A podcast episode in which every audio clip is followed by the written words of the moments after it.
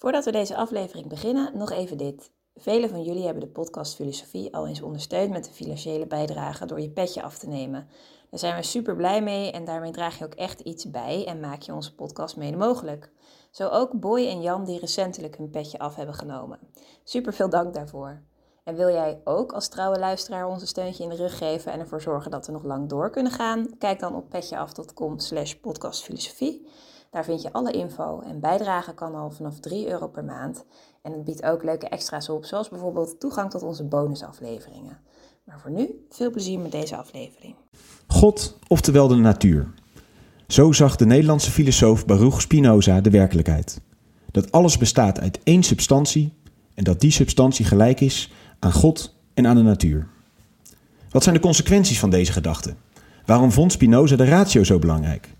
En wat betekent dit voor zijn ethiek? Over deze vragen en nog veel meer gaan we de komende drie kwartier hebben. De gast is Maarten van Buren, de denker die centraal staat, Spinoza.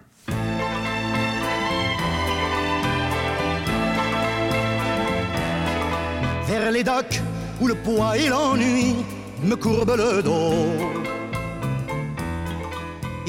Dag, mooi dat je luistert naar deze nieuwe aflevering van de podcast Filosofie van het Centre Erasme, School voor Filosofie in Zuid-Frankrijk, Vlaanderen en Nederland. Mijn naam is Albert Amelink. Het concept van deze podcast is simpel. Er is een hoofdgast, er is een presentator en er is een sidekick. En in 45 minuten duiken we in het denken van één filosoof.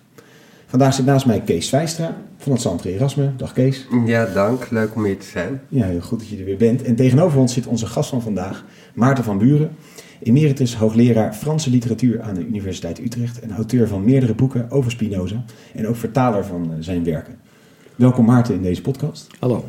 En dank dat wij bij jou thuis te gast mogen zijn. Dus dat is eh, eh, ook weer een, een andere kant op. Prachtig uitzicht hebben we hier over Utrecht. Dus dat is een terugkerend element inderdaad altijd dat we even het hebben over ons, over ons Ja. uitzicht. Ehm, mooi dat je inderdaad hier bent en, en mooi dat we het over Spinoza kunnen gaan hebben.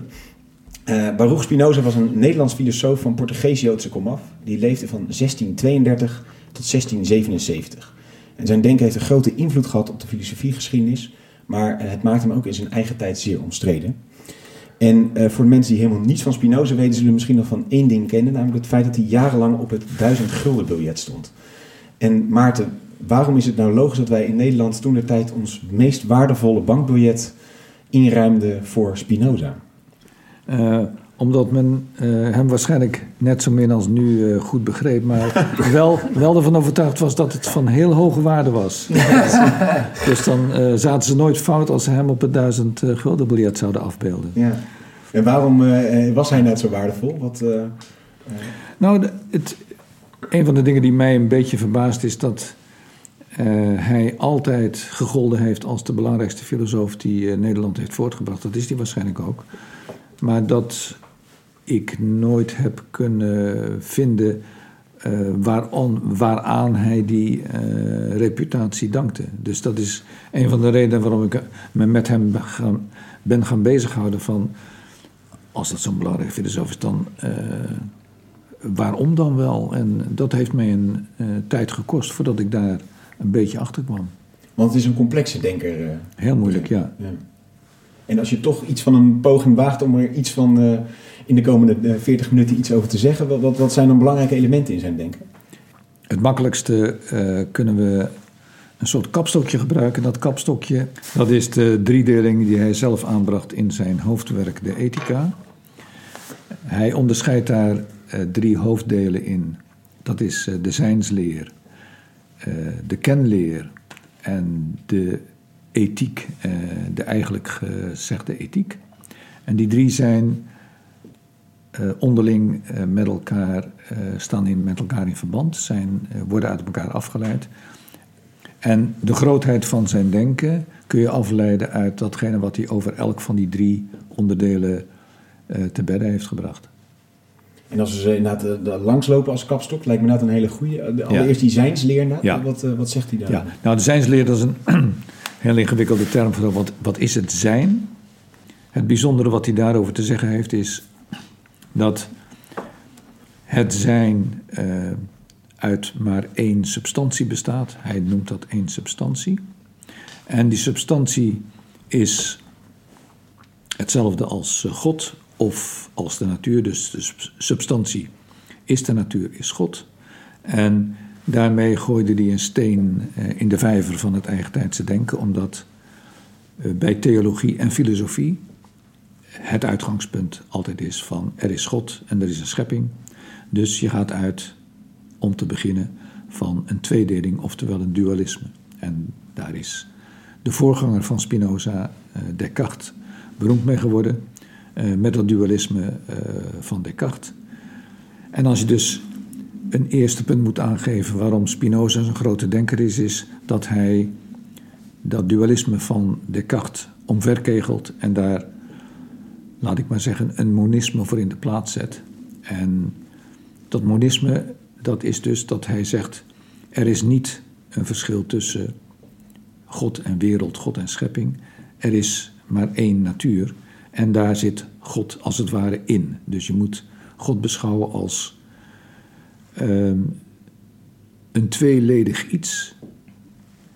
Uh, en wel als de natuur in de materiële zin van het woord. Dat zijn alle dingen die we om ons heen zien: de bomen, de plantjes, de, de planeten, de hele reutemetuit. En het natuurkundige systeem, de natuurwetten die daaronder liggen, dus het beregelende systeem daaronder, dat noemt hij het attribuut denken. Uh, dat staat naast het attribuut uitgebreidheid, oftewel materie. en die twee dingen worden door Descartes uiteengezet als twee aparte substanties, namelijk God en de schepping.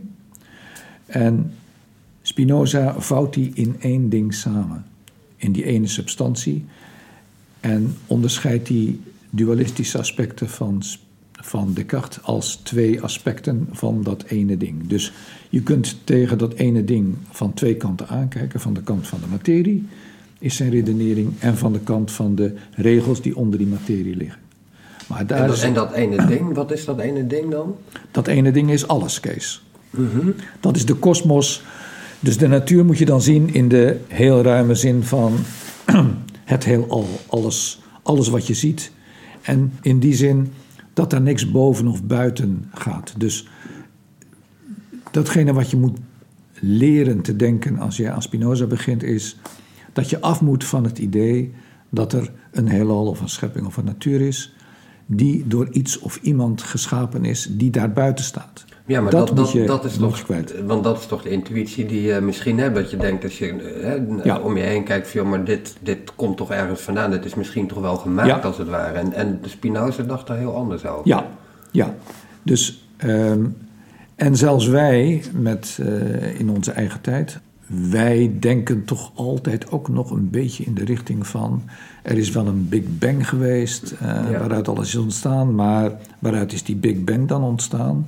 En daar moet toch iets buiten zijn wat die Big Bang of dat kleine korreltje waaruit het ontstaan is, heeft doen ontstaan.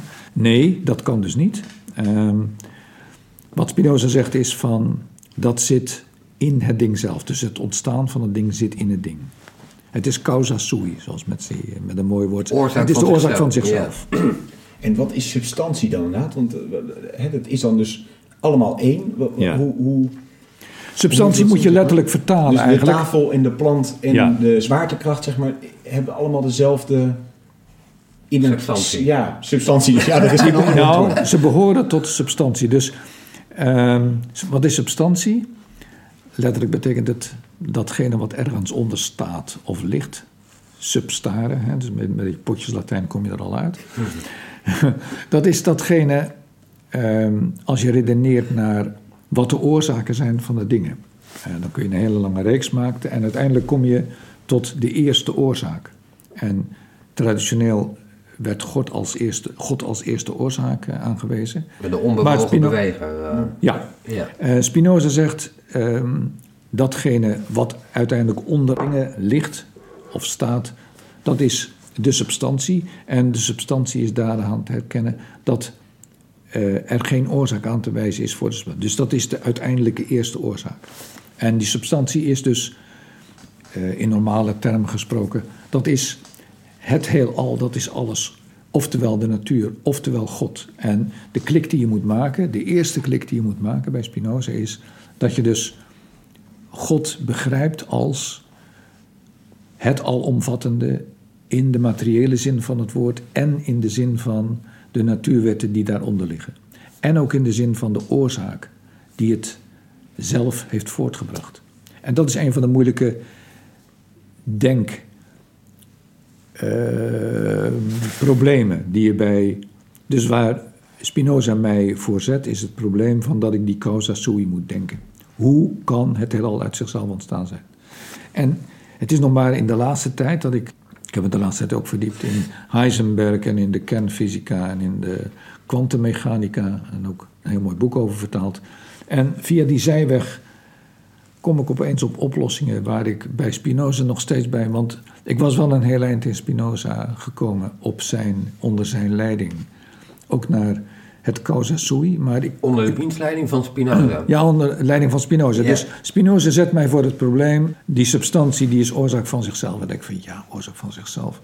Dat kan ik niet denken. Hè? Dus ik, ik kan niet denken dat het heelal zoals we dat om ons heen zien, zichzelf veroorzaakt heeft. Want waar zit die oorzaak dan en hoe moet ik die denken? En, dus dat is een van de dingen die ik nog heb open moeten laten in mijn commentaar op de ethica. Maar nu via een zijlijn Via Heisenberg. Via Heisenberg en de kwantummechanica. Ja. Dus krijg ik uitgelegd eh, dat op het aller, aller elementairste niveau van de kwantummechanica, dat daar eh, processen gaande zijn waarin energie wordt omgezet in materie en andersom. In ieder geval dat op dat niveau, als je afvraagt wat de oorsprong is van materie, van tijd en van ruimte, dan ligt dat op dat niveau. En dat je dus leert, dat is heel spannend om, dat, eh, om je daarin te verdiepen, vind ik zelf, dat tijd en ruimte en materie geen categorieën zijn zoals Kant dacht, van waaruit je uitgaat en waaruit alles, of waarop alles terug te voeren valt. Dat zijn dingen die ontstaan vanuit die kwantummechanische uh, processen. En welke rol heeft God dan in dat geheel? Nou, want hij, hij noemt het dus God, maar eigenlijk, uh, je komt ook bij, net bij de natuurwetenschappen uit. Ja. Ergens klinkt het een beetje als van, uh, de hele term God hoef je niet te gebruiken om dit nee. dus te duiden. Het is ook verwarrend. Uh, wat ik vaak zeg tegen mensen die aan Spinoza beginnen. Het is veel makkelijker om de term God te vervangen door de term natuur. Dan snap je veel sneller waar hij het over heeft als die in de ethica begint met een deel over God. En waarom gebruikte hij dan toch die term God? Om zich in te dekken tegen aanvallen van tijdgenoten. Dus de dominees die lagen op de loer om hem te betrappen op allerlei atheïstische neigingen. En hij wilde zich geen houvast geven en had het dus om de havenklap over God. En hij bedoelde daar ook wel een instantie mee die hij vereerde als God. Alleen waar je heel lang voor moet lezen en studeren in Spinoza is dat hij daarmee die substantie bedoelt, zoals ik hem net heb uh, uitgelegd. Dus het geheel met de wonderbaarlijke beregeling die daaronder ligt, onder het alles, dat noemt hij God. En daar, ik heb geleerd, in het begin dacht ik van, hij neemt ons een beetje in het ootje, dus uh, hij noemt God, uh, maar hij bedoelt er eigenlijk het tegendeel mee van dat hij in feite atheïst is. Ik ben daarvan bekomen eigenlijk. En ik denk nu dat hij wel degelijk de knie buigt, om het zo maar te zeggen, voor iets waar hij voor in aanbidding gaat misschien wel, maar dat dat de God is die hij definieert als de substantie of natuur. En dat hij daar dus het ontzag voor heeft en dat hij daar de redenering voor maakt dat omdat ook wij deel uitmaken van de natuur, wij ook deel uitmaken van God. Ja. En dat is een hele intrigerende denkopening. Want daar volgt weer van alles uit van waar we nu op aankomen bij deel 2 van het denken. Ja, precies.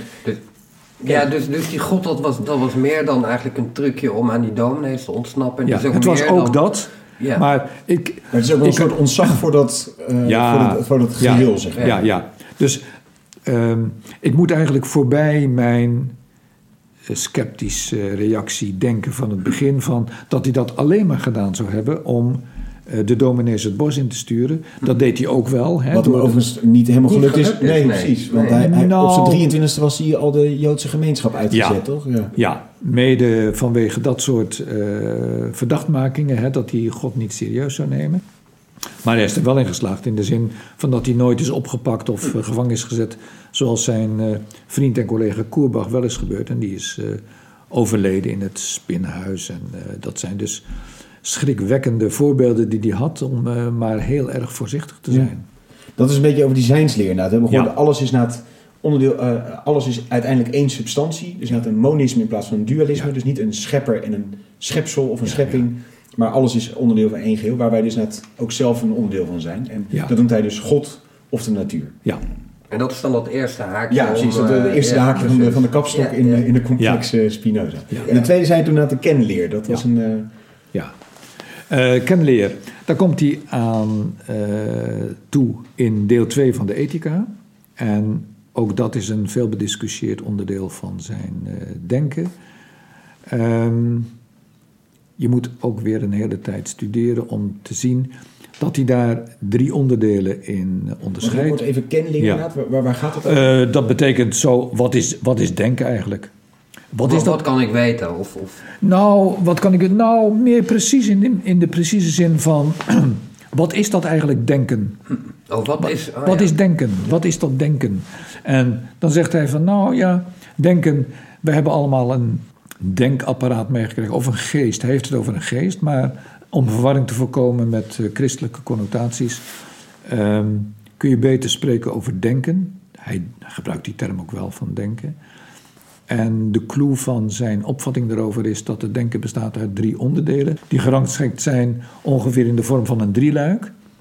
Eh, er is een onderdeel waarneming, dus datgene wat je als informatie via je zintuigen opneemt. Dus via je ogen, dat wat je ziet bijvoorbeeld. Oren, ogen delen, ja. alle zintuigen. Hè, dus wat als informatie binnenkomt via je zintuigen.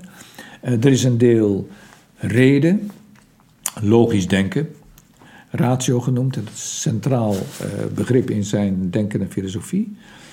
Eh, dat staat niet in contact met de buitenwereld, maar dat is een soort recyclingsmechanisme, een soort eh, computer die achter je zintuigen staat en die de onzuivere informatie van je zintuigen reinigt, ordent. Ja. Dus schoonmaakt. 90% gaat eruit, want het is eh, wanordelijk en misbegrepen en wat er nog meer. En de rest wordt op orde gezet door de computer die de reden heet. En dan is nog een derde deel, geheimzinnig deel, waar heel veel aandacht naar uitgaat, dan is de intuïtie. En van die intuïtie is, dat is zo, hij zegt daar niet heel veel over, maar wat hij zegt is wel heel belangrijk, dat die intuïtie is een ogenblikkelijk inzicht in de waarheid, zegt hij. Maar lijkt dat een beetje op zoals wij tegenwoordig intuïtie gebruiken? Van iets intuïtief aanvoelen? Of? Hij bedoelt dat daar wel mee, maar eh, wat ik ook als reactie zou hebben als dat zou, als jij nu zo zegt van eh, zoals we dat tegenwoordig bedoelen, ik heb dan de neiging om te vragen van wat bedoel je precies dan met zo'n intuïtie? Ja. En wat ik heb begrepen uit een nauwkeurige lectuur van Spinoza is dat hij met intuïtie een ogenblikkelijk inzicht in de waarheid bedoelt. In die zin dat de intuïtie een soort aangeboren antenne is die we allemaal hebben meegekregen, waarmee wij het verband met het grote geheel waarvan we een deeltje zijn aanvoelen. Dus wij hebben dat vermogen allemaal, maar dat vermogen hebben ook de dieren en zelfs de planten hebben dat, want ook die hebben het aangeboren vermogen dat ze zich invoegen in de orde waarvan ze een heel klein onderdeeltje uitmaken. Dus een van mijn conclusies die ik trek uit de bestudering van Spinoza is dat datgene wat hij intuïtie noemt, hetzelfde is als instinct bij dieren of als oikeiose bij planten. Dat heet bij de klassieke filosofen, de, de Stoa, noemde dat vermogen van planten, hoe ze zich in het leven moesten houden en gedragen. Noemden Hoe ze dat wisten, hoe ze het van een soort van natuurlijk Ja, wisten. hoe is het? Dat is een Dat ze naar het licht moeten groeien.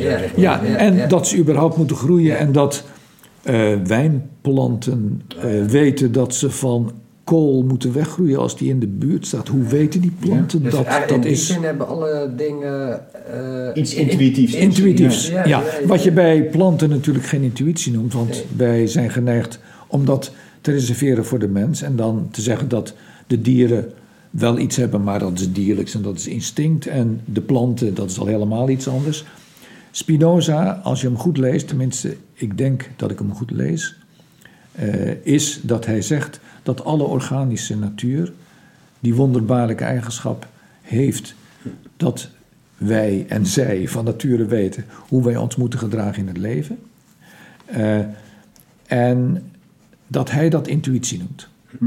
Dus intuïtie, dat is binnen het uh, filosofie van Spinoza begrepen een antenne die we hebben meegekregen, waarop wij kunnen afstemmen op het grote geheel waarvan we een deeltje zijn. En dus met ook de overtoon van dat dat de antenne is waarmee wij ingevoegd worden in het grote geheel dat God is.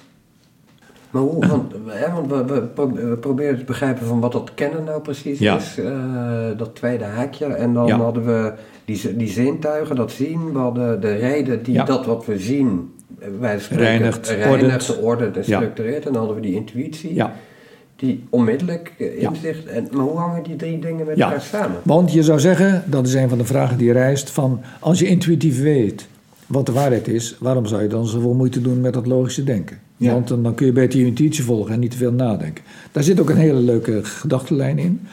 En die gedachtenlijn is dat de mens, omdat hij zoveel denkt, achterloopt bij dieren en planten. Omdat de dieren en planten intuïtief. Veel daar heb ik ook veel bewondering kijk ik daarnaar, vooral sindsdien ik, eh, sinds ik eh, Spinoza bestudeer, hoe wonderbaarlijk snel en raak dieren en planten reageren op de omstandigheden. En dat ze veel sneller en raker reageren dan mensen. Kun je daar een voorbeeld geven? Uh, kijk maar naar alle dieren en planten om je heen. Dat die in een, in een gegeven gevaarlijke situatie. Als er onweer dreigt, dat dieren dat veel sneller doorhebben en de juiste dingen doen om zich uh, daarop in te stellen, dan mensen die maar een beetje rondlopen en dan, oh god, die voor ze het weten in de... Ja, dan gaan eerst door die zintuigen en dan ja. keer naar die ratio. En de, en de redenering daarachter is dat uh, mensen zich veel meer laten misleiden door allerlei dingen die ze hebben ingeprent gekregen, dus door hun logische denken.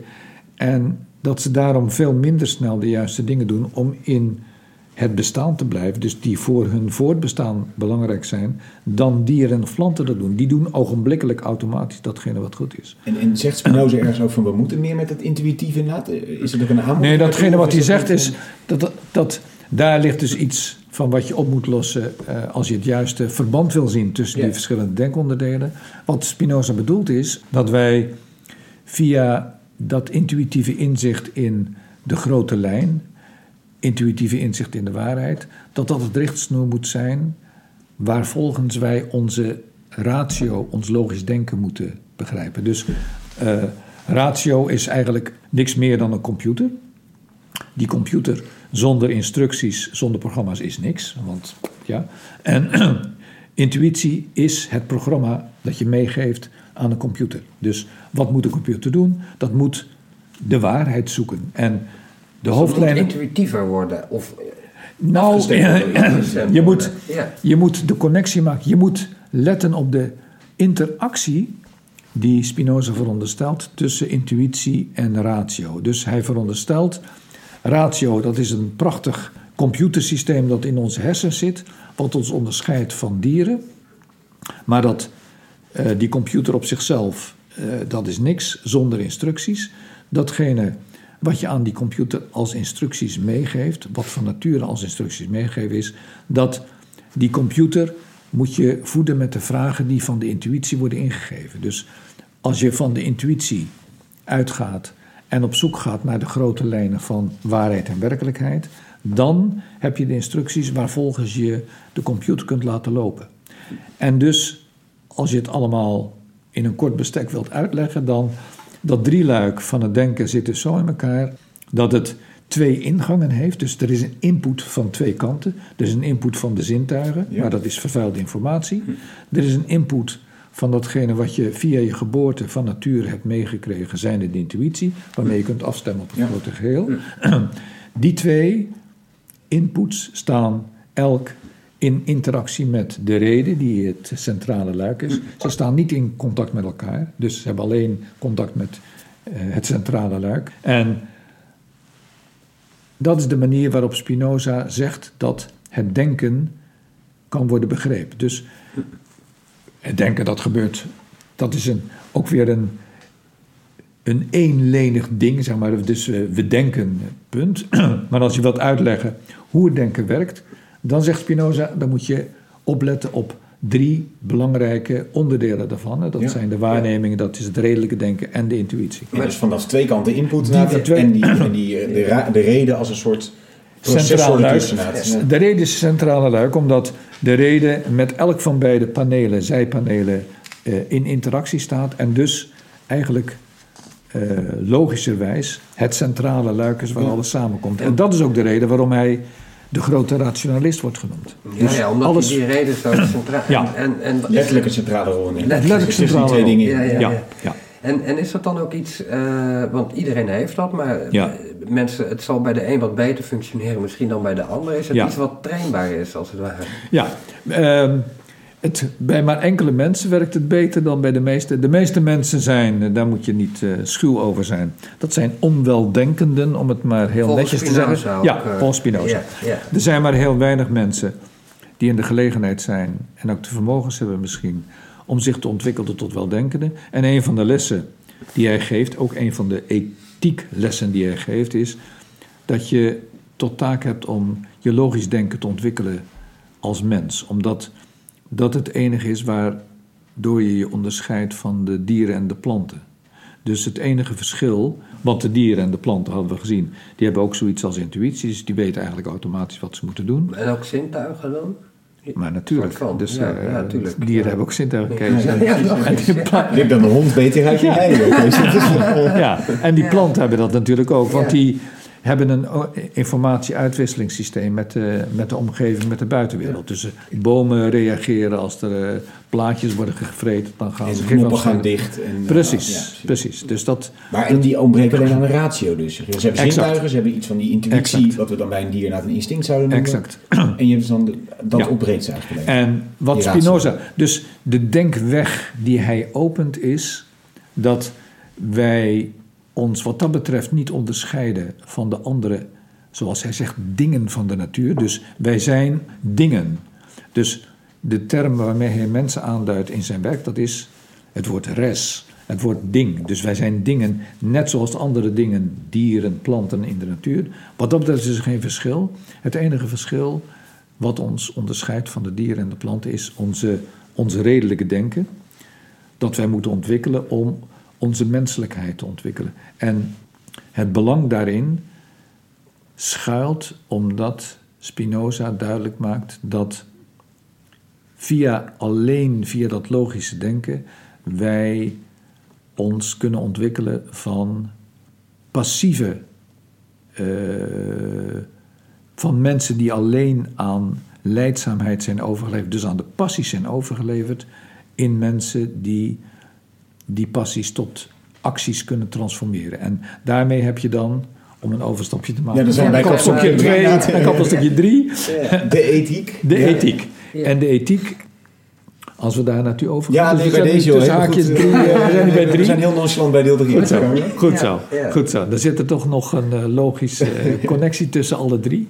Dat moet ook natuurlijk. dat moet ook omdat Spinoza's idee bij de opzet in die drie delen, zijnleer, kenleer, uh, ethiek, de klassieke filosoof vervolgt in die zin dat hij de richtlijnen tot handelen van de mens afleidt uit de manier waarop wij denken over het zijn. Hm. En dus je moet eerst weten. Dus het is een resultante van die andere twee. Uh, juist, het is een logisch gevolg uit die twee andere dingen. Het zijn was die uh, ene, ene substantie. substantie. die substantie en de connectie die wij hebben als, als mensen tot de substantie, als deel en het geheel, die kunnen wij begrijpen als we ons denken ontwikkelen. Want uh, de relatie tussen waarneming van die natuur en het logisch denken en de intuïtie waarmee wij in contact staan met het als deel, met het hele geheel, dat stelt ons in staat om het grote geheel te denken en onze plaats in het geheel te denken. Dus dat denkapparaat staat in functie van het begrijpen van het zijn. En daaruit afgeleid geeft hij zijn ethiek. En die ethiek die berust daarop dat wij zonder dat logische denken, dus zonder dat centrale luik van het, uh, van het denken, niet in staat zouden zijn om ons te verheffen boven de dieren want, en, de, de planten. Want het enige wat ons onderscheidt van dieren en planten is ons, onze ratio, ons logische denken. En om aan te geven van waarom dat nou de grote weg is eh, naar de ethiek, moet je bedenken dat volgens Spinoza zo is dat wij zonder die ratio in het leven zouden staan als de dieren. En daar is niks mis mee eigenlijk. Verademing zijn ja, misschien. Ja, het zou de zaken versimpelen. Uh, maar het nadeel van dieren of planten, of als dier of plant leven, is misschien uh, dat je dan totaal bent overgeleverd aan de omstandigheden. Dus je bent, om met Spinoza te spreken, leidzaam overgeleverd aan de omstandigheden. En leidzaam wil zeggen passief. Dus het woord passief betekent leidzaam. Uh, daar is niks mis mee met die manier in het leven staan. Alleen alles wat er met zo'n dier of plant gebeurt, dat overkomt die dieren en de plant. Ze kunnen geen afstand nemen met hun denken tot wat er met er gebeurt. En Spinoza's redenering is dat het enige verschil wat de mens heeft, dus dat zit niet in zijn intuïtie, want ook dieren en planten hebben dat, maar dat zit in zijn redelijk denken. En dat redelijke denken, dat stelt ons in staat om afstand te nemen tot datgene waaraan wij, net zoals de dieren en de planten, leidzaam zijn onderworpen. Dus ook die in die passie moet je onderscheid maken in datgene wat wij gemeen hebben met de dieren en de planten. Wij worden net zo in het leven gegooid als de dieren en de planten. dus, en dan wij ze dan weer een keer sterven. Ja, en we gaan ook dood en we hebben daar niks over te zeggen. En we krijgen allemaal gebreken en allerlei andere dingen. Dus in die zin zijn wij niks anders dan de dieren en de planten. Wij zijn een functie van de omgeving. En, maar wij kunnen ons daar wel rationeel toe verhouden. Juist, juist. Wij kunnen afstand nemen met, onze, met ons logische denken, met onze ratio.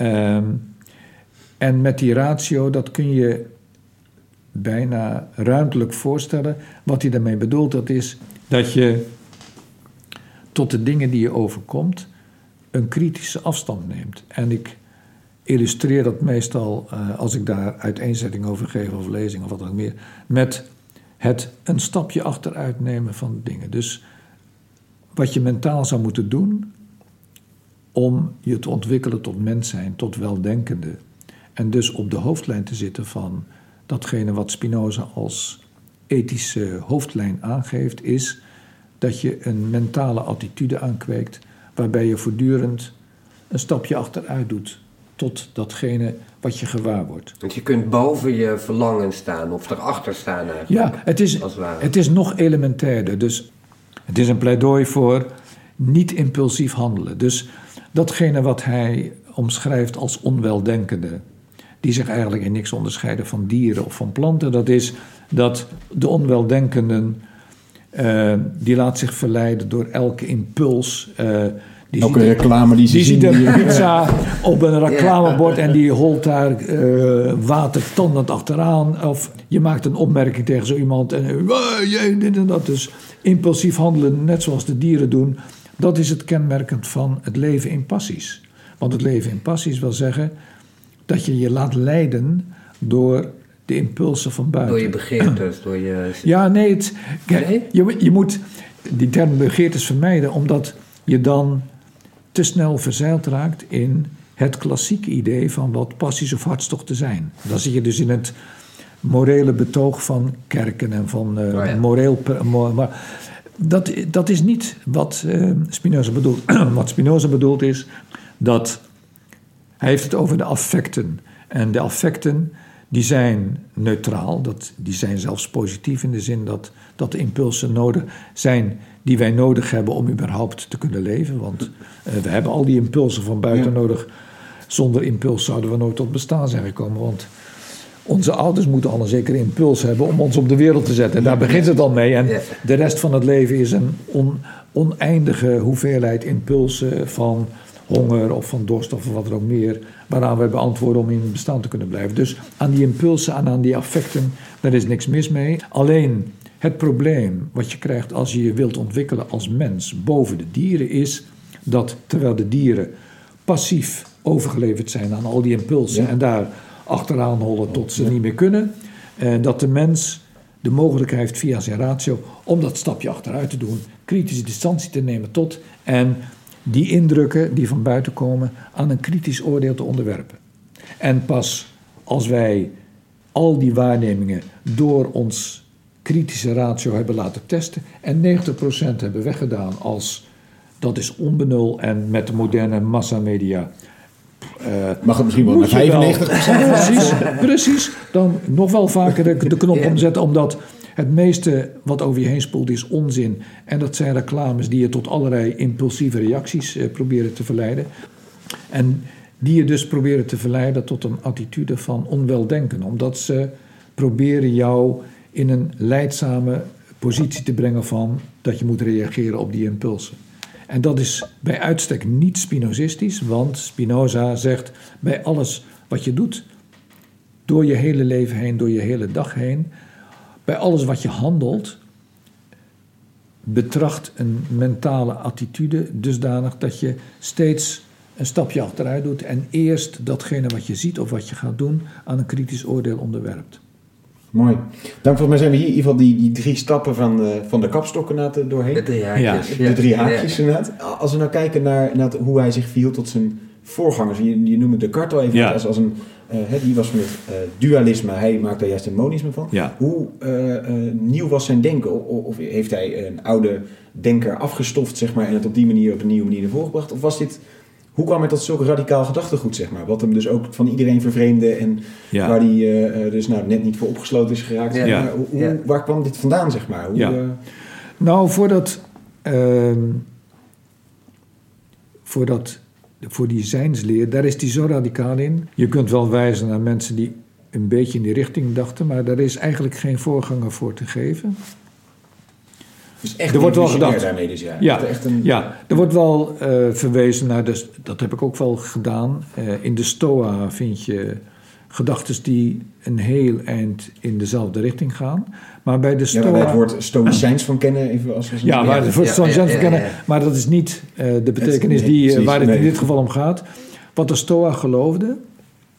Dus mensen als Marcus Aurelius en Epictetus en Seneca... dat was net zoals Spinoza, dat ehm, God voor een aanzienlijk gedeelte samenviel met de natuur en dat dus er geen duidelijke scheiding was tussen een transcendente God, dat is een God van het christendom, en de natuur die uit zijn hand als schepping is gekomen. En dat ook zij geloofden dat de ordening van die hele uh, natuur, dat dat van goddelijke aard was. Dus ook voor de is dat God niet buiten de natuur, maar als het ware net als bij Spinoza. Nou, daar is het, daar, daar is twijfel over. Dus als je Seneca leest en Marcus Aurelius, en, dan is dat wel meer klassiek en niet christelijk in die zin dat God in de natuur zit, dus dat ze God herkennen in de bewegingen van de natuur, in de natuurwetten en de seizoenen en alles wat in de natuur bewonderenswaardig is. Maar dat ze tegelijkertijd toch wel ook geloofden dat die God een transcendente instantie was. Dus ja, dat die boven naar buiten. Ja. ja. en dat er dus. De in en eruit, zeg maar. Ja, en dat er een oorzaak, ja, dat het dubbel viel. En dat dus de oorzaakkwestie met name. Uh, werd toegeschoven aan een transcendente God. De dus, oorzaak, waar komt dat allemaal vandaan? Waar komt het allemaal vandaan? Wie is dat? Dan werd er gedacht aan, er is een God die het ooit uh, heeft laten ontstaan. En daar is Spinoza dus veel radicaler, omdat hij. Het is, zijn God is niet transcendent, zijn God is immanent. Hij zegt dat woord, hij, hij gebruikt dat woord ook. En dus ook in de zin van dat de oorzaak van substantie of God in God zelf of in die substantie, in die natuur zelf zit.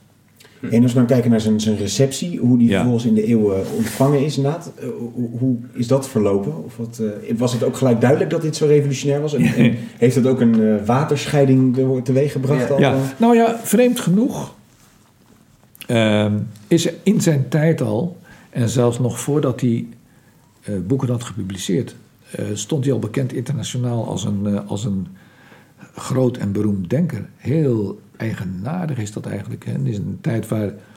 Zonder media en... Ja, en dat gebeurde dan via ja, de media van die tijd. Het waren de brieven. Hè. Dus er was een, wat men achteraf heeft genoemd, de Republiek der Letteren. Men, de geleerden van die tijd correspondeerden in het Latijn met elkaar. En dat, dat was een soort van uh, community, zal ik maar zeggen. Voor, via die community werd al vrij snel duidelijk dat uh, Spinoza een heel grote denker was.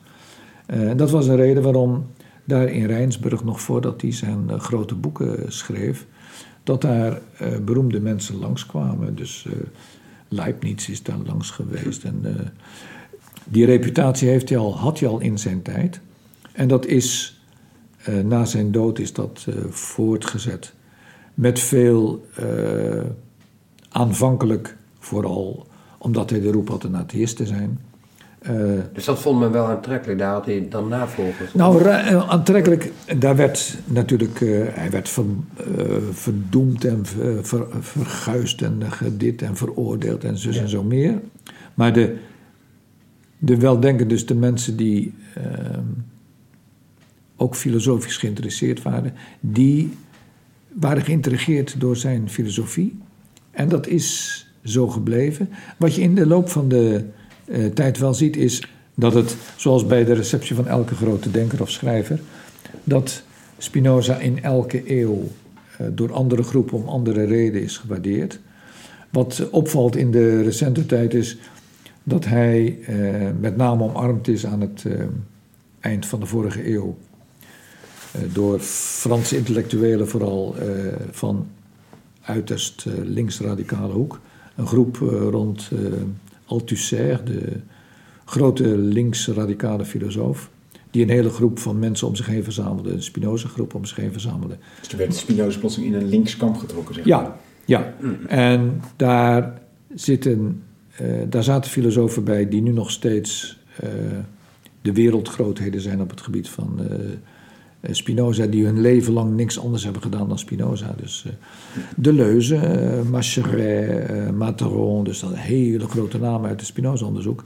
Maar die komen allemaal uit de vijver van Antonio Negri, dat is een Italiaan die ook nog twijfelachtige dingen als de ontvoering van Aldo Moro betrokken is. Echt linkse radicale hmm. rakkers. Die, die, die, die lazen Spinoza. Die hebben Spinoza omarmd en die ehm, die denken, die dachten in Spinoza uh, hun idealen van een revolutionaire volksregering uh, weerspiegeld te zien. Ik hoor ergens in jouw toon al dat je dat niet helemaal herkent. Uh, nee, ik, niet dat ik daar nu tegen dat... ik ben een bewonderaar in andere opzichten van Althusser en ik heb Balibar zit er ook bij. Zijn hele knappe mensen allemaal. Materon is een zeer knappe filosoof. Die, maar Waar ik me over verbaas is dat zij Spinoza waarderen en ook in hun studies uh, afschilderen als een, iemand die uh, in de,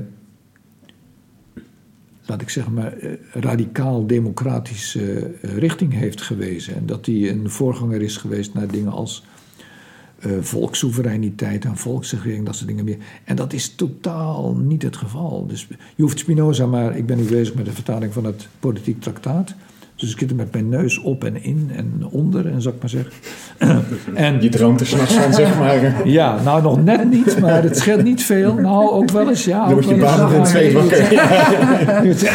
nee. Um, ja. En ik kan je zeggen dat de hele lijn, de grote lijn van Spinoza, ook van de ethica uitgeredeneerd, tot en met zijn politieke denkbeelden, dat hij eerder uh, liberaal is, uh, in de zin van uh, vrije initiatieven voor de, voor de, met name voor de mensen met bedrijven en voor de handel. Dus zijn ideaal was een politiek bestel dat je het beste kunt karakteriseren als een commerciële republiek volgens het model van de Republiek de Zeven Verenigde Nederlanden. Heel zeer Nederland. Het is geïnspireerd op zeg maar, de Handelsrepubliek, de, de VOC uit de 17e eeuw. Dat is. Dat is meer, meer, meer, VVD dan uh, Brigade Absoluut, absoluut, absoluut, absoluut. absoluut. Dus uh, het idee van de Verenigde Oost-Indische Compagnie in de tijd van Johan de Wit en daaraan voorafgaand nog, waaraan de Republiek zijn zelfstandigheid en zijn rijkdom ontleende. Dat is het model waarop Spinoza redeneert bij de staatsinrichting. En het is dus vreemd om ehm, hem afgeschilderd te zien als een kampioen van de, van de andere kant, zou ik maar zeggen. Dus, daarmee zijn we toch weer een beetje terug bij dat duizend gulden biljet trouwens. het is dus terecht. Het is dus eigenlijk terecht uh, om, hem, ja, om, die, om hem te, te, af te beelden op het uh, ja, duizend biljet dan op een affiche van uh, linksradicale hoek. Ja. Hey, hartelijk dank Maarten. Misschien als laatste vraag nog uh, kort omwille van de tijd. Wat vandaag de dag Spinoza, wat, wat, zouden we met hem kunnen? Ja, waar ik de laatste tijd uh, mee bezig ben, dat is de vraag hoe ik Spinoza kan inpassen in, de, in mijn dagelijkse praktijk. En een beetje verbaasd heb ik geconstateerd dat hij aansluit bij mijn uh, gewoonte om veel te mediteren. Omdat ik heb gemerkt dat in meditatie je gedwongen bent om een mentale houding aan te nemen, waarbij je juist niet reageert op de dingen eh, die je via je zintuigen krijgt aangeboden, maar als je daar op je bankje zit, dan, eh, dan komen wel allemaal dingen bij je op. Dan kun je die stap terug. Uh... Ja, dan, die, je kunt niet anders doen dan de dingen die bij je opkomen, als die gedaan moeten worden. Van ik moet nog de vuilniszakken buiten zetten. Oh, ik moet nog dienen bellen. Maar je kunt niks, want je zit. En ik train elke dag uh, met meditatie, juist om die mentale houding aan te nemen en die dus vol te houden in de rest van de dag. Niet alleen in dat uurtje dat ik mediteer, maar in de rest van de dag. Omdat ik ervan overtuigd ben dat je op die manier je traint in datgene wat Spinoza leert, namelijk dat je van je passies acties kunt maken. Ja. Dank. Ontzettend interessant. En eh, dank ook dat je net de, de, de, de ethica zo toegankelijk hebt gemaakt voor ons. Ja. Is het dan nu ook zo dat we inderdaad gewoon als we hem nu erbij pakken, dat we dan lekker op ons nachtkastje kunnen leggen en makkelijk kunnen lezen? Of ik zou deze kapstok nog niet leggen? Ja, maar Maarten heeft zelf ook een, een uh, ja, je hebt zelf een inleiding op. Uh, ja, je kunt ja. beter beginnen bij, uh, in, in plaats van dat je direct met zijn hoofdwerk begint, maar wat ook zijn moeilijkste werk is. ik zou met een een handleiding beginnen.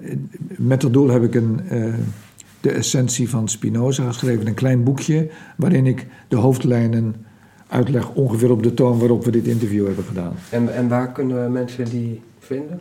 Ja, via... Het is uitgegeven door de ISVW-uitgevers. Oh, ja. Een klein boekje en dan vind je in kort bestek op heldere toon van uh, wat Spinoza beoogde. En je noemde net al even dat je net bezig bent met het uh, politiek traktaat. Ja. En daar soms dus s'nachts wakker van ligt. Maar ja. uh, op, uh, tussen 15 september en 21 september na het in het Centre Erasme ja. gaat daar een cursusweek over. Ja, ja. Net las ik al naar previews uit je vertaling. Dus dat, ja, ja. Nee, de vertaling is dan al zover... Dat die dat te lezen. Ja, dat, in ieder geval. Een unieke kans eigenlijk. ja, dat die, die ga ik rondsturen langs de cursisten. En ja, we gaan het daar heel leuk en gezellig maken. Net als vorig jaar. Ja. Mooi. Mooie week. Top. Hey, hartelijk dank uh, Kees, maar vooral jij hartelijk dank uh, Maarten. Graag gedaan. Ja, graag gedaan. Emmenez-moi au pays des merveilles. Il me semble que